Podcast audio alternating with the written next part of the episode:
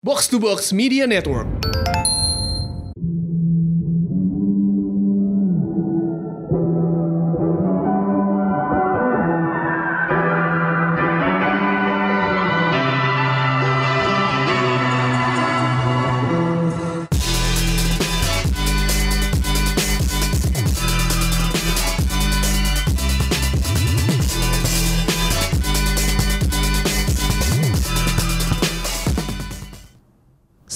Showbox Podcast, ada gue Lisa Dan gua Angga Dan hari ini kita bakal membahas film Mili dan Mamet Bareng guest reviewer kita, Noval Yazid Hai Noval Halo, Lisa. Halo, Angga. Thank you banget nih udah mau join kita ngobrolin film Mili dan Mamet Eh, Jadi Noval ini adalah festival co-director dari Europe on Screen Yang bakal kembali lagi Bulan April. bulan April 2019 Yes. Apa aja sih filmnya ngasih bocoran dong Waduh Langsung pucet, langsung pucet Pokoknya yang banyak di request dari Kan sama Venice kemarin. Wah, asik. Belum tonton nih Ah, asik asik asik. Jadi tuh sekarang, jadi tuh gue udah berapa minggu ya mau ngajak lo ke sini ya, Pal. Yoi. Katanya, Oh, list jadwal gue buat nonton screener film. Buat nonton eh, film-film eh, screener-screener yang bakal dibawa ke Europe on Screen tahun depan baik. Sampai akhirnya gue ajak Pal kalau milih Mamet mau nggak? Untungnya dia mau. Jadi sekarang Novel udah ada di sini gitu. Eh, cuma nanti kita mungkin eh, akan bikin eh, episode spesial bareng Novel juga eh, buat tahun depan ya. Kita mau ngomongin suka dukanya Running Film Festival. Ada suka ya? suka 10% duka 90% Eh, Iya sama eh, nanti novel bakal cerita nih soal eh, ribetnya ya gimana sih? Sebenarnya orang tuh kita kan sebagai penonton ya kita tuh cuma tahu film udah nyampe di layar aja ya. Taunya beli tiket abis nggak dap apa dapat nggak dapet terus ya udah nonton gitu. Kita nggak tahu politik di balik pengantaran film tuh orang cuma tahu janji Joni doang pal gue bilang sama lo. Jadi orang-orang tuh harus denger cerita-cerita di balik itu. Jadi kita akan bikin nanti episode spesial nantikan Siap. aja bareng sama apa film festival juga ada- eh, pengen juga ngomongin film Eropa juga sih sebenarnya Gue ya. langsung nyusun banyak pertanyaan. Ntar Novel kayak gini nih posisinya di pojokan gitu Terpojok. Oke seperti biasa kita kalau episode review Sebelum review utama Sebelum ulasan utama kita juga akan ngomongin recap semingguan ini nonton apa aja. Eh, Kalau gue sendiri minggu ini cuma sempat nonton dua film. Eh, Gue nonton Bumblebee. Eh, Apa sih installment terbaru dari franchise-nya uh, Transformers ya. Uh, dan gue akhirnya nonton nggak? Akhirnya gue nonton One Cut of the Dead setelah gue merekomendasikan ke pendengar Showbox berapa minggu lalu. minggu lalu Tapi ternyata ya. gue sakit pas lagi di Jav jadi nggak kekejar itu film baru nontonnya sekarang gitu. Kalau uh, Angga dulu deh, Angga nonton apa aja nggak minggu ini? Gue cuma nonton pemutaran Eh ada film Film penting dari tahun 98 Film apa sih? Cool Itu diputar lagi kemarin premier Kok so called premier ya Mas Iya, Novel ya iya. jadi semacam kayak premier ulang apa reenactment Premier, apa karena gimana? Premier yang tertunda 20 tahun kemudian. Ini soalnya peringatan Sebenarnya 20 tahun iya. Iya peringatan 20 tahun Iya. Cool Desak Nah, Jadi diputar lagi kemarin Dan ada pamerannya Dan peluncuran buku Hmm. Kebetulan gue juga ikut tulis di Asik dalamnya asik asik. shameless Bentar plug, shameless plug. sedikit doang. Tapi buku itu penting dan emang eh, filmnya juga harus ditonton lagi sekarang dan rencananya akan diputar lagi di bioskop di 9 kota kalau nggak Oke, salah. oke. Tanggal 30 That's Desember. good, yeah. Cuma satu hari doang dan, dan satu Tanggal show. berapa? 30 Desember. 30 Desember, Cuma satu catat. Hmm. show dan ada di 9 kota. Lokasi bioskop yang mana aja nanti perlu di kita perlu update lagi sih di Hmm. katanya sih di akun sosial medianya para sutradaranya ya. Hmm, Oke. Novel lo juga kemarin ada kan ke apa acara Klo- 20 tahun kode desak. Saya diminta menjadi MC Jadi MC. dadakan. Nah, gue mau nanya nih ke eh, Novel sama ke Angga, gimana rasanya nonton kode desak setelah 20 tahun? Menurut gue, gue surprise sih karena em, ya film Indonesia kan udah banyak sekali mengalami perubahan dalam 20 tahun terakhir. Jadi ketika nonton uh, Cool Desak kemarin, nonton lagi setelah ya gue dulu nontonnya waktu masih di bioskop sih. Udah, udah sempat nonton di bioskop? Gue sempat Wow. nonton di bioskop dan memang sepi waktu itu. Gak banyak yang nonton. Eh, nggak tahu kalau buat Angga ya. Menurut gue filmnya ternyata outdated sekali ya. Maksudnya eh, Setelah- setelah 20 setelah tahun ya? 20 tahun em, banyak isu isu-isunya yang yang jam yang kalau diaplikasikan ke konteks zaman sekarang tuh oh udah nggak masuk ya Hmm. gitu Oke, Jadi yang, eh, eh, apa namanya terny- dan itu akhirnya membuat gue bertanya-tanya juga oh ternyata kita memang sudah berubah sejauh itu Hmm. dari tahun 98 sampai ke 2018 ini kalau menurut lo Angga Iya bener sih, emang udah berubah banget. Jadi emang semangat. Karena itu- gini, tunggu, ada film-film yang ditonton setelah 20 30 tahun and it still uh, it- Ya. it's still apa ya, masih kayak Timeless, masih uh, timeless uh, gitu. uh. Kalau ini gimana berarti? ya Enggak emang tidak udah beda kan zaman itu pas mereka bikin film karena mereka pengen memberikan sesuatu peru- satu bentuk dari apa ya perlawanan dan berubah ingin coba untuk beru- merubah gitu mengubah dari dalam kan.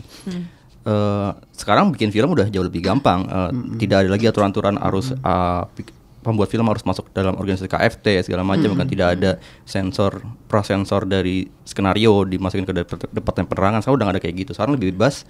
Dan memang pada akhirnya ketika gue ikut terlibat dalam penulisan buku itu dan mewawancarai empat orang sutradara itu yaitu Mbak Mira, Mira Lesmana, Riri Riza, Rizal dan Nantri Feni Agnes. Mereka pun bilang kalau isu yang dulu mereka angkat dan apa yang mereka pengen coba dobrak itu sekarang udah berubah gitu.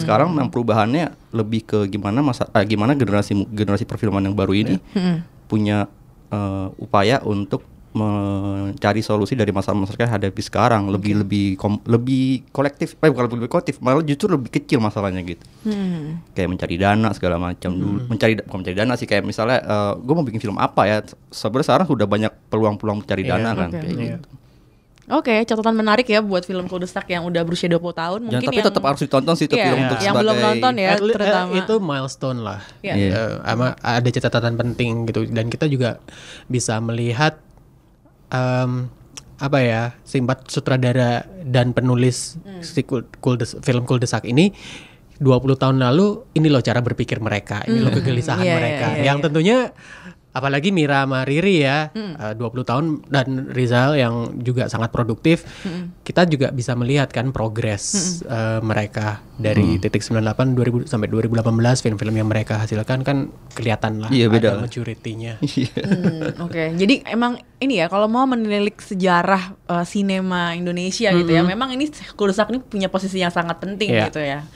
Gitu. Nanti kita akan nonton lagi. Gue juga pengen nonton lagi sih itu tanggal 30 Desember ya. Gue pengen tahu ketika sekarang nonton tuh reaksinya kayak gimana. kalau gitu. gue kemarin kaget karena pertama kali nonton di layar lebar oh oke ini dulu pertama kali gue nonton tuh di Screener ya? RCTI itu kan diproduksi Iya, eh, iya. diikut di, diikut Ah, iya, dibantu sama iya, pro- iya, RCTI iya, kan terus ditayangin juga di RCTI. Iya, Habis itu nonton lagi nonton lagi di selalu di Kino Forum. Iya. Bahkan sempat nonton di Miles juga. Jadi Iya. tapi nggak pernah di layar besar segede IP Sentrum Iya. Studio 1 itu. Studio gede. satu ya yang 500 Dan- orang. Atmos. dan dengan uh, walaupun udah walaupun kemarin udah pakai DCP digital tapi tetap masih terlihat oh iya. gregetnya lah ya apa Mungkin harus di, 35 mungkin harus mm. direstorasi. emang emang harus harus direstorasi. segera sebelum kerusakannya lebay gitu. Oke next, Uh, gue nanya novel deh lo minggu ini nonton apa nih? Yang jangan yang film buat jangan yang buat Ewas ya Pal. yang yang semua orang bisa nonton. gitu. seminggu ya dari kalau dari hari Minggu hari Minggu gue sempat ke pekan sinema Jepang nonton Mary Witch Flower Hmm, menurut lo gimana filmnya? Oh, nice. Eh, eh, eh, seperti Ghibli walaupun itu bukan buatan Ghibli. Terus habis itu gue nonton, ya gue ngejar eh, itu Spider-Man Into the Spider-Verse. Into the Like the best. like I love it uh, so far. The Uh, best Spider-Man movie enggak? hmm, Menurut lo itu menurut gue, gue tetap nomor satu adalah Spider-Man 2 Sam Raimi. yang mana Iya nih? Sam Raimi. Oke. Ya, Sam uh, Terus baru nomor duanya sih ini. Oh. Oh ya, interesting. Oke. It's- Belum sampean gue it's nonton. it's Oke. the best. Uh, maksudku bahwa bahwa teknik animasinya ternyata bisa dibuat untuk capturing the soul of comics itu loh. Yang selama ini, yang selama ini kayaknya kayaknya ada yang kurang dikit dari dari versinya Sam Raimi. Kayaknya ada yang kurang banyak dari versinya Mark Webber. Ternyata di sini ditampilin bener-bener at Ah, full oke, glory. oke, oke. Terus habis itu gue agak kejar ini sih kejar setoran habis itu ya gue nonton Cool Desak terus habis itu nonton Bumblebee semalam Oh, oke. G- Menurut lo Bumblebee gimana? Bumblebee wow ternyata perlu satu film ini untuk menebus dosa Michael Bay. Transformers 2, 3, 4 Empat lagi empat. Aduh, gue bahkan gak inget loh yang ketiga keempat itu udah ceritanya apa. Gue cuma inget mereka berantem berantem Iya. aja gitu loh sih. dan dan dan yang membuat gue heran kenapa baru sampai sekarang akhirnya kepikir dengan konsep yang formula cerita seperti ini Iya, kan iya, sebenarnya iya. konsep formula ada IT Iya. yaitu makhluk asing Iya. terus ketemu orang maksudnya itu kan template ya template Iya. cerita kenapa template ini nggak dipakai sih dari dari yang dulu Karena dulu mereka maunya yang megah-megah. kalau gue nonton itu, eh, gue yang kayak akhirnya mereka sadar kalau yang menarik dari apa transform franchise Transformer ini ya beneran karakter Iya, karakter bener. di dalamnya yang maksudnya mungkin ada yang suka sama Optimus Prime ya, tapi gue rasa Iya. semua orang akan sukanya sama Bumblebee karena Iya. emang dia yang paling imut kan, yang paling Iya. cute gitu dengan Iya. Apa ya, emang gerak-geraknya sangat human banget gitu. Iya, dan eh, dan menurut gue sih ini step to the right direction lah dalam artian mereka kayaknya udah tahu nih bahwa setiap si karakter robot ini bisa dibikinin uh, storyline yang oke sesuai dengan karakter karakter robotnya. Ya udah terus udah just put under any circumstances kayak ya ya pasti akan adalah karakter-karakter seperti si Hailey Steinfeld ini yang ketemu si robot ini dan it would be nice. Jadi em, bisa menurut gue sih legacy-nya universe-nya si Transformers ini bisa lanjut terus sih. Gue ngelihat hubungan antara Bumblebee dengan si Hailey Steinfeldnya ini agak-agak agak-agak biasa aja sih kayak aduh ini cuman kayak kayak gue ngeliat film King Kong terus dia kayak Ya. saving the woman gitu Ya. again kayak gitu Ya, lagi ya, jadi a little bit of ada yang kayak gitu-gitunya Eh, tapi beberapa adegan cukup Hmm. refreshing kayak misalnya hubungannya si Hailey Steinfeld sama si tetangganya Ya, itu ya, ya. itu cukup eh, menarik Nggak klise sih ya. klise gitu sampai terakhirnya nih apa eh Ya. maksudnya kalau ngomongin terakhir ntar spoiler cuman eh, ada sebuah adegan yang dikiranya udah saling suka tapi ternyata yang kayak no we're not there yet gitu Dan- jadi kayak itu kayak buat karakter remaja itu gue suka sih ngeliat yang kayak gitu Dan yang menurut gue agak underappreciated Hmm. eh, si siapa? John Cena. Oh gitu. Itu Iya, dia iya, makin iya. lama timingnya makin oke loh dalam berakting. Maksudnya kayak oke gue pertama kali ngeh dia bisa acting tuh waktu peran kecil di filmnya Amy Schumer. Hmm. Amy Schumer yang apa itu? Trainwreck. Tuh? Eh, yang yang itulah yang yang dia pacaran sama Bill Hader udah oke terus gue sempat nonton Blockers juga kemarin Memang- emang kayaknya dia emang dibentuk jadi jadi action star macam Bruce Willis sih jadi kayaknya ya makin lama aktingnya makin kelihatan Ongoing proses ya. ongoing process Gue langsung buka ini website 21 saya nyari jad, ja- apa jadwal terba ter untuk main nonton malam ini. Bumblebee ya, Gue gak tahu Bumblebee sih ya. pengennya Spider-Man dulu. sih. Spider gue ya pengen ya, lebih ya. pengen Spider-Man sih itu kayak kemarin nggak kekejar karena penuh it's amazing gitu oke eh, recapnya udah segini dulu ya Angga ada catatan lagi Enggak, gue cuma nonton Kuldesak dong. Angga minggu yang sibuk kayaknya nih gue abis nonton, abis itu gue sempet nonton film Korea tapi tahun lalu di iFlix sih dua film tapi ya Oke. udah. Apaan tuh film Koreanya? Eh, The Prison, Prison sama satu lagi kok gue lupa juga tapi the, Di the- iFlix ya. di iFlix. Tapi film lama lah film 2017. Oke, segini dulu kayaknya recap dari kita dan kita akan segera ngobrolin film Mili dan Mamet. Silakan denger trailer dari Mili dan Mamet berikut ini. Ya ampun, kalian kok makin keren aja sih? Gini-gini aja sih. Rangga kok nggak datang? Di saat kita bersama. Lebih tuh. Eh, cari lagi lo sendiri. Kita tertawa Sakti papan tuh gitu lupa kalau mama juga punya titik. Emang kalau di foto gitu tambah enak, Bu? Ibu itu kalau nggak difoto dulu makanannya suka nyangkut di tenggorokan. gimana pabrik Apa kamu tuh nggak percaya banget sama aku? Soal bisnis, itu urusan gue. Tugas lu cuma tiga. Masak, masak, dan masak. Selamat pagi cantik. Somat Jiji Dan kau bisikan. Maaf pak. Masa kiri. Saya senang kamu berhasil, tapi saya perlu pertolongan kamu. Kali ini saya yang minta maaf pak, karena saya resign. Usaha. Lo masih inget nggak sama mimpi kita dulu? Mimpi itu buat bujangan, Lex. Ya lo cari kesibukan lah, Mil. Bosen tau di rumah mulu. Sar, ini Sakti kenapa? kirain ini udah solusi terbaik Tapi kamu jadi sibuk, Mil. ya tapi paling nggak aku sibuk sama pabrik Beb kalau orang-orang cari suami yang ganteng aku mah cari yang baik Nggak jelek-jelek amat kali. Ini James Shaw gue, investor kita. Calon investor. Ganteng. Jangan. Gak mau natap aku nih hari ini, berarti kamu putus nih. Aju lu no, kenapa? Depan gua naga. Kejam. ayam featuring tempe Mau pesan apa? Kami punya mojito. Saya nggak mau hito. Saya mau. Aku akan cemburu sama siapa pun yang kamu puji. Norak ya kamu. Juara. Nasi goreng teri lo oke. Kurang oke. Terinya tuh kayak kayak kurang kayak kurang teri gitu loh. Kayaknya teknik mancingnya salah deh. Oke, jadi itu tadi trailer dari Mili dan Mamet. Sekarang kita bakal ngebahas sesi non spoiler eh, dari film terbarunya Ernest Prakasa ini. Gue bacain dulu ya eh, sinopsisnya yang ada di situs 21. Melanjutkan timeline dari kisah eh, Ada Apa Dengan Cinta 2, kini, kini Mili dan Mamet sedang disibukkan dengan mengurus bayi mereka. Mamet yang punya passion memasak dan sempat bekerja sebagai chef, kini bekerja di pabrik mil- milik Papa Mili. Sebuah pilihan yang agak terpaksa, karena kini ia jadi tumpuan keluarga kecil mereka setelah Mili resign dari profesinya sebagai bankir untuk fokus membesarkan anak. Sampai pada suatu hari, Mamet berjumpa Alexandra, teman dekatnya waktu kuliah dulu. Dengan antusias, Alexandra bercerita bahwa ia sudah mendapatkan investor untuk membiayai ide restoran yang dulu pernah mereka hayalkan bersama. Dengan hubungan Mamet dan Papa Mili yang memburuk, apakah Mamet akan menerima tawaran ini dan mengejar mimpinya? Bagaimana Mili beradaptasi dengan hidupnya sebagai full-time mom? Film ini diproduksi oleh Chan Parves Servia, Mira Lesmana, dan Via Servia. Jadi ini gabungannya antara Milas Film sama ini, Star Vision ya. Sutradara Ernest Prakasa, eh, writersnya juga Ernest Prakasa dengan istrinya Meira Anastasia.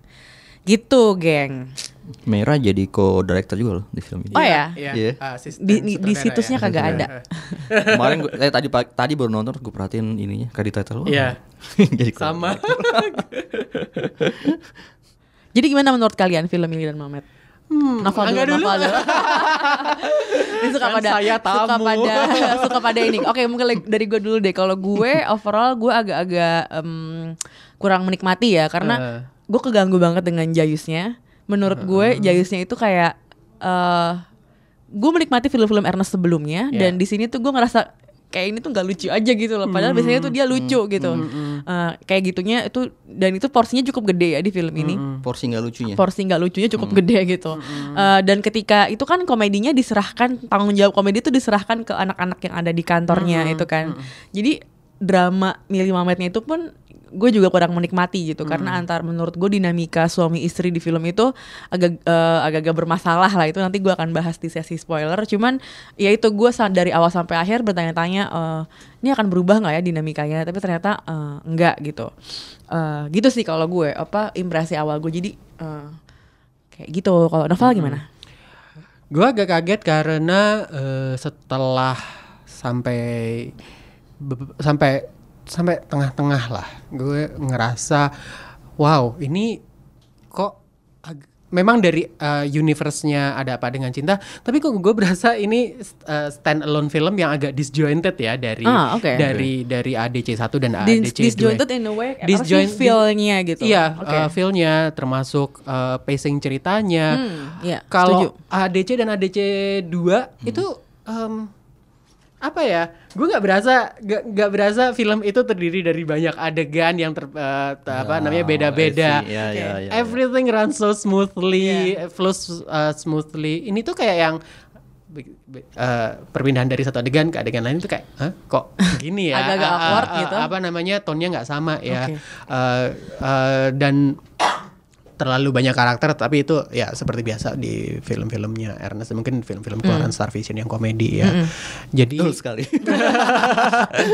sementara sementara ADC Universe itu em, terkenal dengan penempatan karakter yang Hmm. udah segitu aja tapi kuat gitu loh. Jadi kayak kita bener-bener yang oke Persahabatan I, I, gitu root ya. for these girls, uh, Yeah. the guys, udah Yeah, gitu kan. oke. Ini tuh kayak yang ah ada sini, ada sini, ada sini gitu. Jadi kayak oke dan eh, sama kayak Lisa tadi, gue juga melihat kurang firm sih si, eh, kehidupan rumah tangga, dinamika rumah tangganya dua karakter yang jadi judul ini. Itu sih. em, dan overall apa ya? Gue menghargai sih eh, usahanya Ernest untuk keluar dari comfort zone-nya em, yang yang justru menghasilkan karya terbaiknya so far dua awal itu dan mencoba keluar tapi eh, it's a big risk resiko yang tinggi untuk Iya. mengambil eh, Franchise, franchise ADC ini yang udah udah well established gak cuma dari segi brand ya, tapi dari segi cerita, dari Yeah. segi karakter, kemudian Yeah. diolah ini. Tapi menurut gue, ya it's getting halfway there lah. Oke. Gimana enggak? kurang lebih sama dengan kalian. Juga nggak mau nggak mau berbeda gitu. Tapi bener sih kata eh, Sova sama eh, Lisa juga ini film ini kayak gue nggak merasa ada satu kesatuan antar adegan gitu ya. Dan kalau gue melihatnya karena memang i- ini kayak semacam ciri khas Ernest yang selalu dipaksakan dalam filmnya juga. Dan mungkin karena karena pengaruh Star Vision sebagai studio juga ya. Jadi selalu terlalu banyak komika dan akhirnya komika-komika ini kan dia udah punya karakter tersendiri sebelum dia main film kan. Punya gaya komedi sendiri dan akhirnya dimasukkan ke dalam masukkan ke dalam film. Dan komedinya akhirnya harus menyesuaikan dengan karakter si komika ini gitu. Iya. walaupun mungkin dia bermain sebagai karakter berbeda dalam filmnya cuma maksudnya kayak kita lihat Aci Resti ya kita selalu lihat Aci Resti seperti itu Seperti gitu. itu, iya. kita ngelihat siapa lagi? Misalnya eh, Aco seperti itu gitu. dan akhirnya jadinya komedi-komedinya pun ya seperti disempalkan gitu aja dimasukkan dijejalkan tapi tidak menjadi satu kesatuan aja. Dan akhirnya terlihat kalau apa ya menciptakan komedi-komedi yang karena itu eh, apa kayak dimasukkan aja gitu. Jadi kelihatan kayak eh, terkesan bukan terkesan sering kali kita lihat ini komedi kok kayak mengejek doang. Mengejek mengejek. Nggak ada komedi yang terbangun karena pengembangan karakter dan dia gimana dengan plotnya gitu. Gue melihatnya seperti itu. Jadi itu menjadi beban dalam plotnya dan membuat film ini tidak jadi padu gitu antara adegan Dan- jadi Ernest kayak berusaha untuk men- selalu berusaha untuk mencari ritme antara eh, adegan yang eh, plot yang dramatis dan dan yang lucu-lucunya nih komedinya gitu. Menurut kalian apakah ini karena pergeseran genre? ADC sama ADC 2 nggak pernah jadi komedi. Dia adalah drama dengan bumbu komedi. Kalau ini kan kayaknya emang dari awal udah diniatkan oh ini harus jadi film komedi. Gitu. Karena sementara yang pegang Ernest gitu. Iya, Hmm, karena iya, iya. dan sementara karakter dan universe-nya itu berangkat dari drama. Mm, mm, mm. Jadi nggak tahu uh, menurut kalian gimana? Kalau menurut gue soalnya jadi ada ya itu ketimpangan yang jelek itu sih. Ya. Eh, kan kan dua karakter utama sendiri kan Mili dan Mamet itu memang lebih kalau di film ADC sebelumnya memang lebih nuansa komedinya lebih terasa Iya. mereka mereka apa lainnya. ya lebih kayak buat istirahatnya gitu ya Iya, ya. dan dan di film ini akhirnya ketika harus mereka harus Jadi center. peran utamanya dua-duanya dan mereka harus menyesuaikan dengan dramatisasi dalam filmnya, dalam kisahnya. Kalau gue sih mungkin Keteteran sih menurut gue. Iya, kalau gue mungkin catatan ter ini adalah karena to- topiknya juga beda banget nih. Kalau Hmm. ADC dan ADC 2 kan ya cinta-cinta Iya. anak muda, terus. Ini yang kuat tangga. banget kan persahabatannya kan. Iya. Itu selalu ada Iya. di apa di dua film itu. Di sini sih itu yang agak kurang gitu. Hmm. Eh, dan memang ya emang ini bukan filmnya Cinta dan Rangga Iya, ini. iya. Eh, ini tuh emang emang film antara kata gimana milih sama Mamet tuh ketemu gitu. Iya. Jadi ya dengan berubahnya shift apa fokusnya itu Iya. Iya jadi semuanya memang berubah nih dan Hmm. Otomatis pikir gue akan langsung mengevaluasi ya itu hu- hubungan Hmm. antara mereka berdua gitu loh. Jadi udah nggak ngomongin maksudnya ya ada penampakan sedikit dari cameo dari si apa persa apa Geng cin- geng Cinta. cinta. Cinta. Cuman ya menurut gue memang iya dari cerita dari Mili Mametnya sendiri aja tuh menurut gue nggak kuat. Kalau menurut gue sih gitu. Gitu. Gue sama satu lagi kalau mis overall, gue agak bermasalah dengan selalu dengan make upnya Star Vision ya. Kenapa film-film lukisannya polesan banget ya? Bandingin deh eh, mu- apa polesan make upnya si Iya. Julie Estelle di The Night Come For Us Iya. dengan di film ini. Iya. Kelihatan banget di film ini tuh. aduh, Ya cuy genrenya juga beda. Nggak, maksud gua Iya. ini terlalu terlalu apa ya? Terlalu Terlalu, pop, sinetron terlalu, gitu. Tata kutip eh, gitu. Iya, iya, iya. It's a very glossy look ya. It's a very glossy look on apa sih kayak ceri- dram young couple kayak gitu-gitu. Jadi emang tampilannya tuh semuanya bersih, pop, warna-warnanya eh, apa cemerlang gitu, glossy banget gitu emang. Emang ya emang kayak gitu sih ya film-film Star Vision gitu. Iya, memang jadinya Tapi jadi just- tidak sama dengan ADC. Bener, Iya. bener. Ada Jadi, dua. ini menurut gue jadinya malah kayak ya oke, just another comedy from Star Vision. Gue malah nggak ngeliat iya. ini dari dari ADC Universe. Dari sisi Mira Lesmana apa Milas Filmsnya tuh agak-agak kurang kelihatan gripnya gitu ya. Iya. Dan karena mungkin mereka juga nggak nulis kan. Ini penulisannya kan semuanya Pure di di Ernest. pure di Ernest, Ernest ya. dan, Dan ini. Merah. Mera. Oke kita langsung bahas aja yuk ke sesi spoilernya karena kayaknya lebih menarik kalau kita bahas kita kita pretelin satu-satu adegannya sama penokohan-penokohannya gitu. Eh, buat yang belum nonton dan gak mau kena spoiler dengerinnya pas ini dulu atau nggak di pause dulu ya ya nggak sih? Ntar balik lagi buat ngomongin Mili Mamet cinta gitu kan. Eh, atau nggak kalau yang nggak peduli dan tetap mau dengerin spoiler silakan aja. Oke kita masuk ke sesi spoiler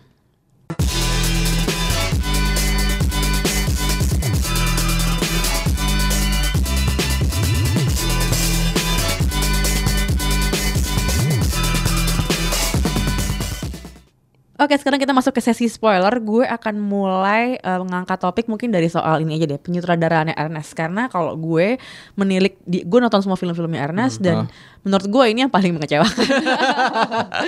menurut gue ini yang kayak dari ngenes, cek toko sebelah, susah sinyal gitu ya, terus uh, Mili dan Mamet. Gue agak kaget sih setelah bikin susah sinyal yang single mom gitu ya Iya. maksudnya cukup berani dan cukup Berani, unik apa penceritaannya terus di Mili dan Mamet dia kayak gini gitu loh apa Oke. penokohannya Iya, gitu iya, ya iya. karakternya apa antar suami istrinya tuh Iya, kayak iya, gini iya. jadi gue agak-agak cukup eh, kok gini sih gitu Heeh. kalau gue gitu sih dari soal itunya dari eh, novel lama angga ada nggak catatan tentang penyutradarannya Ernest ini Kurang lebih sama sih, setu- Hmm. eh, setuju sama Lisa. Ini so far karyanya Ernest yang menurut gue paling minor. karena nggak tahu mungkin ya, ya mungkin karena dia memang tidak ada di eh, nggak dekat dengan dengan dengan universe ADC itu sendiri eh, sementara at the same time dia juga nggak bisa ngubah terlalu banyak jadi mungkin agak banyak kompromi em, Iya. jadinya ya ya udah em, just by the comedy number aja eh, semacam template mungkin ya yang kayak sebelum sebelumnya Iya template-nya film-film Ernest dengan memakai komika-komika Iya. tadi. Gue ngeliat kalau gue di penyutradaraan kayak Ernest agak eh apa ya kayak kurang tidak merata actingnya. Kalau Oke. performa acting, kalau kita kalau gue merasa eh, actingnya Millie di film ini jauh lebih mending dibandingin actingnya eh, Dennis. oke Eh, kok actingnya, Sisi. actingnya Sisi di film ini jauh lebih mending dibanding actingnya Den- Dennis.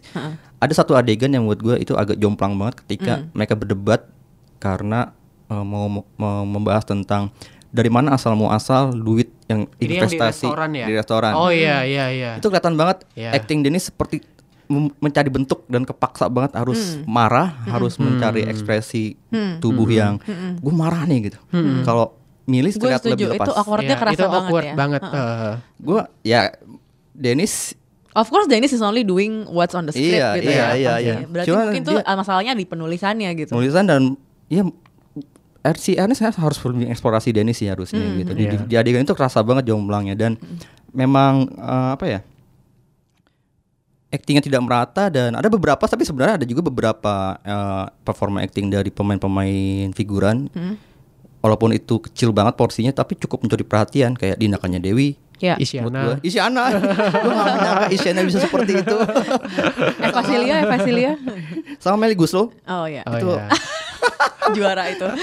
tiga tiga itu harus gua apresiasi sih. Tapi untuk peran utama sendiri Millie dan uh, Millie, uh, Dennis dan Sisi kayaknya itu uh, catatan terbesar buat Ernest sih. Kenapa bisa jomplang seperti itu? Tapi itu menurut gue juga di eh, mungkin ada masalah sedikit di penulisan sih. Karena memang Penulisan. eh, karakter Mamet itu kan nggak pernah ditampilkan Sedramatis di itu. eh, eh, benar eh, maksudnya nggak pernah benar-benar di apa ya di blow up gimana waktu di ADC 1 Iya. dan 2 gitu emang selalu jadi sidekick.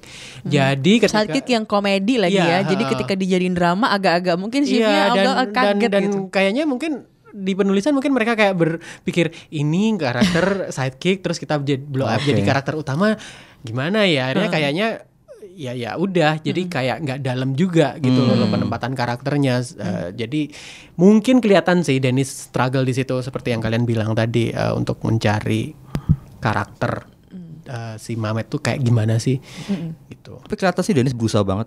Berusaha banget untuk menampilkan acting terbaiknya gitu. Kelihatan cuma masih belum kelihatan aja Kalau ngomongin ini nih soal hubungan suami istri nih antara Mili dan Mamet ya. Kalau kalau Mili kan kita tahu kan karakternya kurang lebih nggak terlalu berubah gitu dari dari ketika tahu dia maksudnya ma- anaknya tuh emang orangnya yang Yeah. eh, ceri- bubbly gitu kan Yeah. ya ceria always Yeah. kayak Yeah. eh, looking at the bright side kayak gitu-gitu. Mamet mungkin agak-agak berubah ya Yeah. karena kan eh, dulu kita ngelihat dia sebagai anak sekolah culun yang suka Ah. dibully gitu kan. Gue suka kasihan kalau dia dibully sama gengnya cinta gitu. Eh, eh, dan di sini dia jadi eh, tokoh apa kepala keluarga mm, yang mengejar passionnya gitu. Eh, gue sih sejujurnya kenapa kelemahan terbesar di film ini ya itu menurut gue. Apa eh, ya gue gue gue nggak bisa gue nggak gue nggak eh, nggak nggak bisa menghargai aja bagaimana ketika ada perempuan disuruh lagi lagi, lagi mau kerja nih ya. Uh-uh. yang kerjaannya juga di- dia dia lakukan karena dia pengen ngebantuin suaminya juga gitu ya. Terus anaknya nangis di telepon dimarah-marahin disuruh pulang gitu. Dan itu adegan nggak ada follow upnya sampai akhir. Maksudnya nggak nggak nggak ada nggak ada koreksinya gitu loh. Jadi seolah-olah itu bener aja gitu. Jadi eh, dari situ tuh gue udah mulai iya, nggak iya, gue sangat tidak respect dengan jalan cerita ini. Gue bilang kok gini sih? Eh, terus nggak ada apa ya keberpihakannya ke pihak istri gitu kalau istri mau nyari kerja ya sebenarnya juga nggak apa-apa gitu kan kayak gitu dari situ sih gue terganggu sih kalau dari kalau Angga sama novel gimana nih ngelihat antara suami istri ini Siapa duluan? Ya, Angga dulu. gue sepakat sih sama lo. Hmm. Ada satu adegan itu yang tadi yang tadi lu bilang tentang Hmm. eh, karena si Milinya udah jadi kepala pabrik menggantikan bapaknya menggantikan si Denis eh si siapa Mamet. ya Suatu suatu malam si anaknya nangis kejer Iya. kan karena dia lagi tumbuh gigi.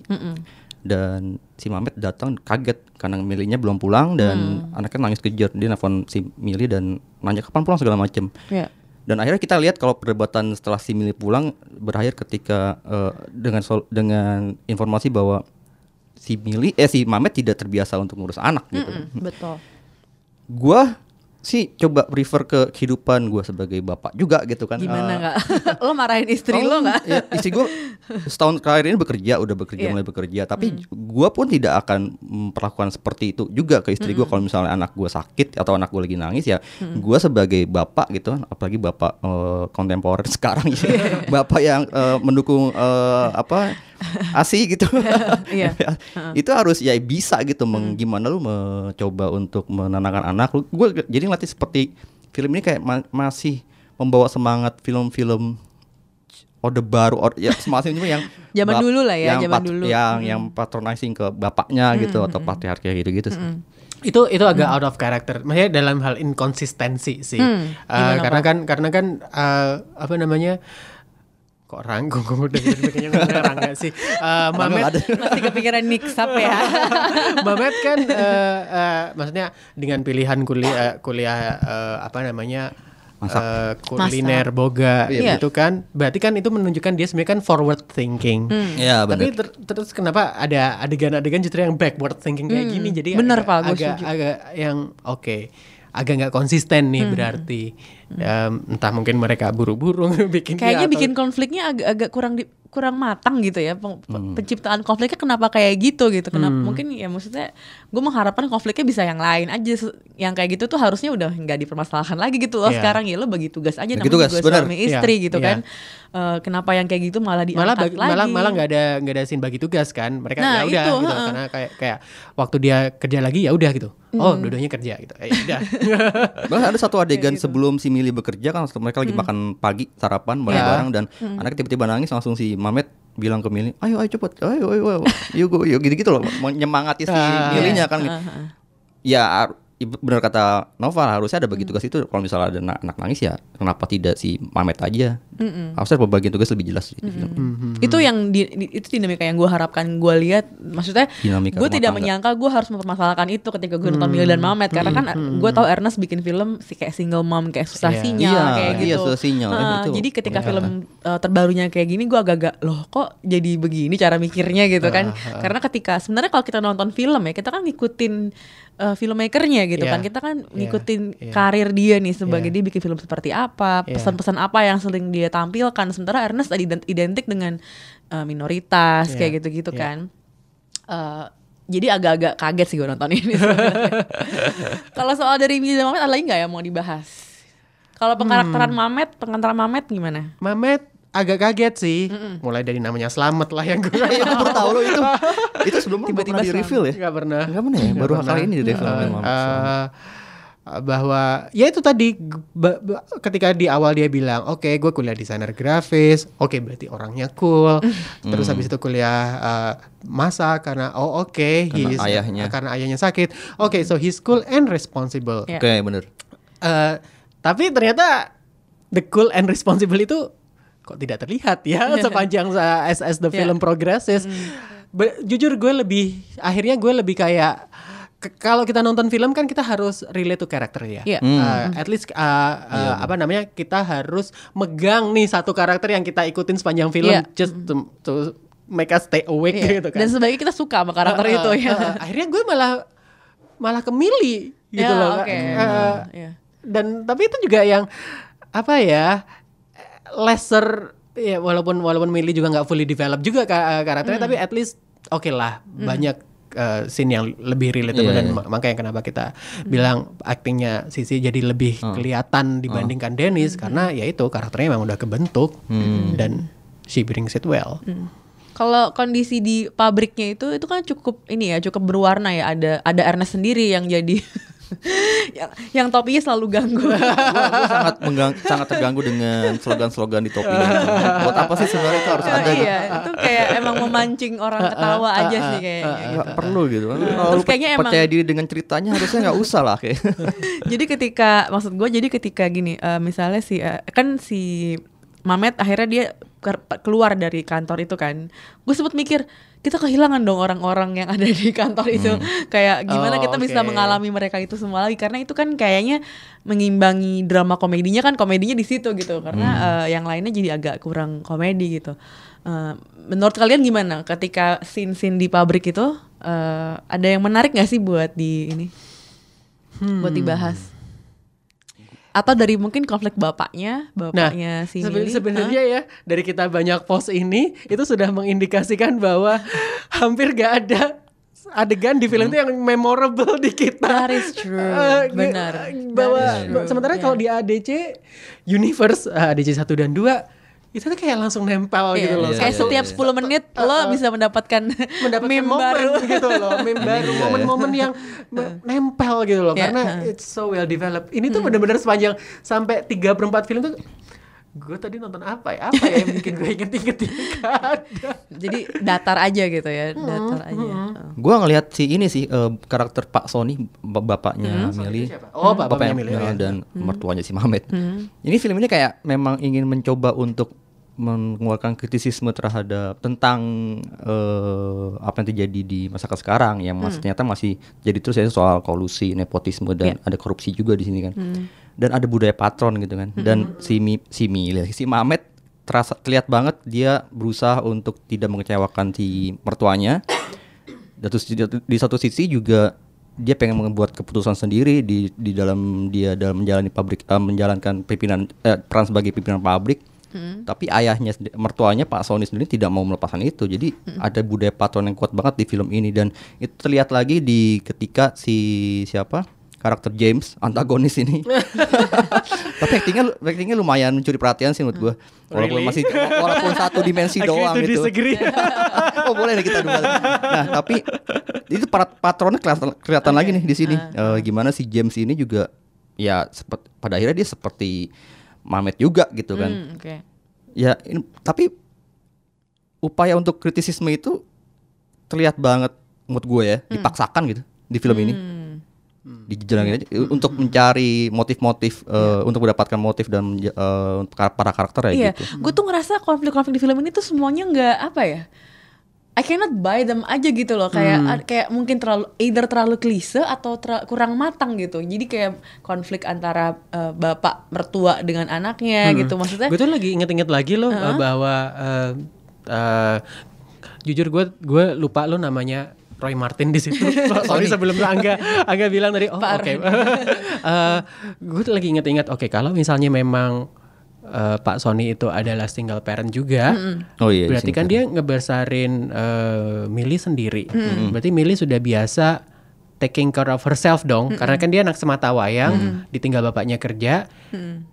So is it she maksudnya bukankah dia harusnya jauh lebih mandiri? Kenapa dia tiba-tiba menjadi I just wanna be a full time mom itu kan oke. Gue lagi nggak oke. Iya. itu Jadi agak kepikiran drastis sekarang ya? Baru Itu kepikiran sekarang. gitu Oke. pemikiran. Iya, iya, Oke. iya. Kok ini ya agak benar, aneh benar, ya. Nah itu kayak konflik-konfliknya tuh kayak gitu gitu selain aneh. masalah masalah ma- ber- bapak mertua sama anak apa anak menantu terus Hmm. milinya juga jadi kayak gitu terus eh, eh, apa ya kayak kayak sekedar ada asal sekedar ada aja gitu konfliknya gitu. Gua ngerasanya kayak gitu. Dan gue juga agak kasihan sama Julie Estelle sebenarnya. Nggak kegarap ya Dan karakternya. di- di- iya bener loh, dia tuh kayak bingung. Ini kan jadi karakter gue mesti ngapain? Iya. jadi jadi kayak antara dia korban juga tapi juga sebenarnya dia penyebab masalah juga gitu. Tapi kita nggak berasa relate dengan apa yang dia alami gitu kan. Dan iya, dan eh, perpindahan dia ini ini masih spoiler kan? Masih. Ini udah spoiler. Ma- ba- eh, masih di spoiler alert kan berarti perpindahan dia jadi dari karakter protagonis ke antagonis ketika di reveal bahwa sebenarnya dia udah tahu semuanya kok Iya. itu juga kayak what Dan maksudnya ya iya kurang meyakinkan aja gitu Iya. kayak kurang meyakinkan penempatan apa antara konflik dan kemudian reveal solusinya gitu Iya. kurang ya menurut gue itu. Gue berharap di masa depan gitu ya, film-film Ernest lebih berani lagi untuk lepas dari uh, beban dia harus masukkan karakter-karakter komika yang lucu-lucu ini gitu dan komedi-komedinya dan fokus aja ke karakter-karakter intinya. ya seperti kalau di film ini ya karakternya Millie Mamet dan uh, si James si siapa si Alexandra dan gitu. Alexandra ya. Itu udah sama Pak Sony udah itu aja coba coba di develop dan Jadi full drama gitu maksud lo nggak? bisa juga sebenarnya drama tapi bisa ada komedi karena ada perkembangan karakter dan gimana plotnya berjalan gitu kan. Kalau di film ini kan nggak komedinya banyak banget karena memang dialognya aja, dialog antar karakter, eh, dialog antar para komika ini gitu kan yang akhirnya mengejek bentuknya gitu, bukan karena dialog-dialog yang humor secara cerdas gitu kan. gue justru mikirnya eh, se- ketika tadi apa namanya ya ketika tadi nonton film ini terus oke eh, Mili Mamet eh, atau dari geng cinta lah Mili udah digarap gitu. Hmm. gue malah kepengen banget abis ini ada ada spin off dari universe Carmen karena Carmen tuh kar- menurut gue karakter yang juga agak kompleks di di geng Iya, itu iya, iya. nggak sekompleks siapa yang udah meninggal Alia. Alia. Alia, oke. Tapi Carmen kan sebenarnya kompleks dan dan ini juga agak ada loophole. Ini masih spoiler kan? Iya Iya, iya. iya. Oke. Adegan pertama dibuka ketika mereka reuni 10 tahun 2013 13. ya karena mereka lulus 2003 2013. Oke. Em, sementara ADC 2 itu digarap dua eh, dirilis 2016. Iya. Berarti kan ini as- asumsi oh iya lah pok- pokoknya antara 2013 terus 2016 gitu kan. Nah, ingat gak di AADC 2 Ingat gue. gue tau maksud lo. Oke, terus. 2016 itu Iya. Carmen kan datang dalam keadaan linglung tidak Iya, oke. Iya, dia pokoknya kayak diem gitu Iya. kan, ya. Dan backstory-nya itu sebenarnya kan eh, ini Masalah rumah tangga. Dia Iya, dia masalah ke rumah tangga, iya. rehab dan ke rehab dan ya. ke rehab gitu karena dan ada juga kan di reveal kan waktu yang mereka berantem di kamar sama cinta. Oh, iya. Ini masih ADC 2 Iya. ketika cinta nyebut cowoknya Iya. dia terus kan dia snap kan. Iya. Itu kan karena abusive gitu. Terus tadi di adegan di klub gitu gue sempat berpikir loh bukannya dia justru lagi down ya Iya, heeh. kok malah kan itu malah awal-awalnya ceria happy? banget ya. Oke oke. Mari kita sekarang ngomongin penamp apa geng cinta dulu nih, geng cinta. Jadi apa yang terjadi di 2000 2013 sampai 2016? Iya dan padahal di kalau kita nonton ADC 2 itu ya yang ketika ketemuan pertama kali itu Iya. itu kan emang si Mili tuh baru hamil sebulan ya pokoknya baru kayak Iya, Mili iya, mau iya, jadi iya. nyokap kayak Ah, gue ah, inget banget ah, kata-kata ah, itu Eh, jadi kayak eh, di situ gue dapat kesan kalau Carmen tuh udah jauh banget sama teman-temannya ini gitu Iya, nggak sih terus ketika di iya. film ini mereka baik-baik saja kayak? terus gimana Kalau baik-baik sajanya waktu yang present time, waktu usia anak, oke lah gue. Hmm. Karena gue udah ke Jogja ya. eh, Karena udah ke Jogja.